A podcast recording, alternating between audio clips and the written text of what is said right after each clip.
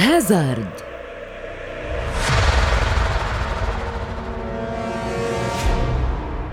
يقال أنه الساحر الأخبث على وجه الأرض ويقال أنه سرق سحر الملكين هاروت وماروت كما ويقال أيضا أنه قد سجد لإبليس كي يعلمه السحر والأكثر رعبا أنه ربما يكون هو الشيطان شخصيا.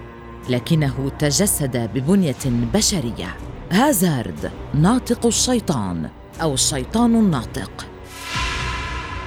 بابل العراق وفي عهود الأرض الأولى كان الملك الساحر النمرود وقد لقي حتفه. لكن سحر بابل الأسود كان ما زال منتشرا فلم تشهد الأرض في تلك الفترة سحرا أشد فتكا من سحر بابل القديمة. كان هذا السحر يتوارث جيلا بعد جيل فكان البابليون يؤرشفون طلاسم السحر ويدونون طرقه وتعاليمه وكانت بابل مرتع الشياطين تلهو فيها كيف تشاء. بل والأكثر من ذلك يقال أن السحر الفرعوني أخذ عن تعاليم بابل وانتشر في مصر. توالت الأيام على بابل كما الناس تماما.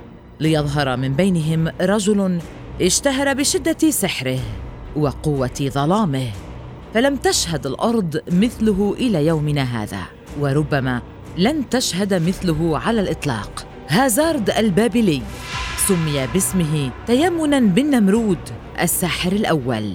كما عرف عنه من الشر ليكون هازارد أحد أكبر الأقطاب المعروفة في السحر الطلسمي الأسود. فلم ترى بابل التي اشتهرت بالسحر مثل سحر هذا الرجل ذلك الوقت. كان هازارد كما يقول المؤرخون قد ولد في العام 1900 قبل الميلاد. لا يوجد في التاريخ ما يعرف عن حياته أو مرحلة طفولته مما يثير الشكوك حول ماهية هذا الشخص. كانت بدايات هازارد في مدينة أوروك البابلية وهي مدينة تقع قرب نهر الفرات. تعلم فيها مبادئ السحر وتتلمذ على يد كهنتها لتكون ألواح السومريين والبابليين مصدره الأول. لكن هازارد كان قد تطور في مجال السحر بشكل مفاجئ فأصبح يستطيع بطريقة ما استدعاء أرواح الموتى وتسخيرها. هذا النوع من السحر كان جديدا على كهنة بابل الذين اعتقدوا أن هازارد إما ساحر تعلم من الشيطان نفسه أو أنه هو الشيطان شخصيا. هذا النوع من السحر كان يقوم به هازارد بطريقتين. الأولى كان هازارد يقوم برسم الطلاسم على الأرض وكان يكتب أسماء أرواح من يريد استدعاءهم ثم يكتب الطلاسم حول الأسماء. وكما يقال أنه كان يقوم بتمتمات غريبة ويقوم بطقوس مقرفة جدا.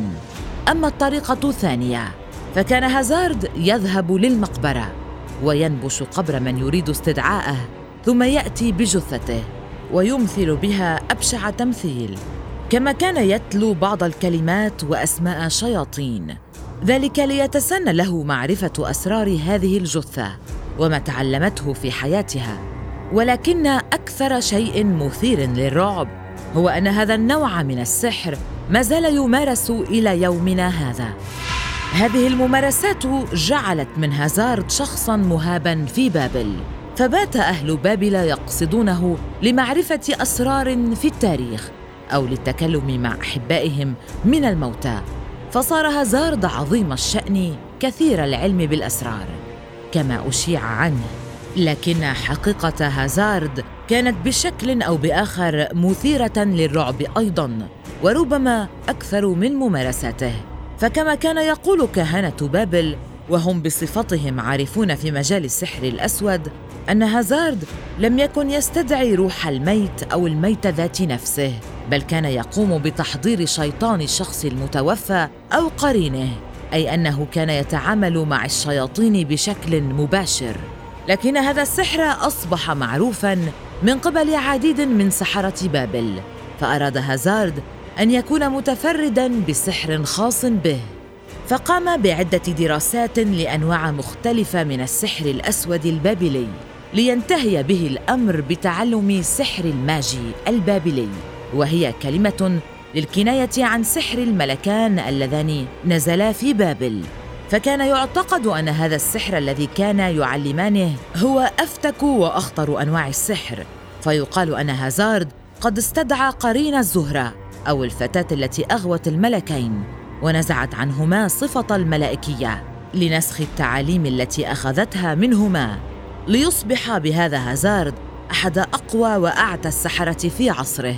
لكن شره لم يكن ليتوقف عند هذا الحد بل كان هازارد يحاول استدعاء إبليس شخصيا ليسجد له كما فعل الساحر الأول النمرود. على أن يعلمه السحر منه شخصيا. وفجأة صار هازارد يحث الناس على عبادة الشمس والنار. هذا الأمر الذي قيل أن إبليس شخصيا قد طلبه منه. وبالفعل كان هازارد ينصت للشياطين ويأتمر بأمرهم حتى يعلموه المزيد والمزيد من السحر ليصبح لقبه بين كهنة بابل بالشيطان الناطق. يقال أن هازارد هو من وضع أساس علم التنجيم والتنبؤ فكان حسب الروايات يصدر عن نفسه أنه يعلم الغيبيات ولهذا كان يلجأ له أهل بابل ليسألوا عن مستقبلهم.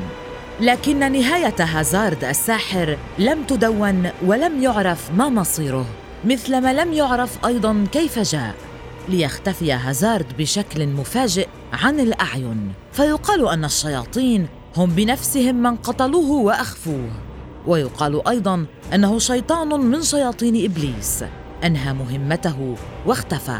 لكن شهرة هذا الرجل بقيت موجودة على جدران معابد بابل القديمة. في تصويرات لا أحد يستطيع التمييز بينها إن كانت حقيقة أم خيال.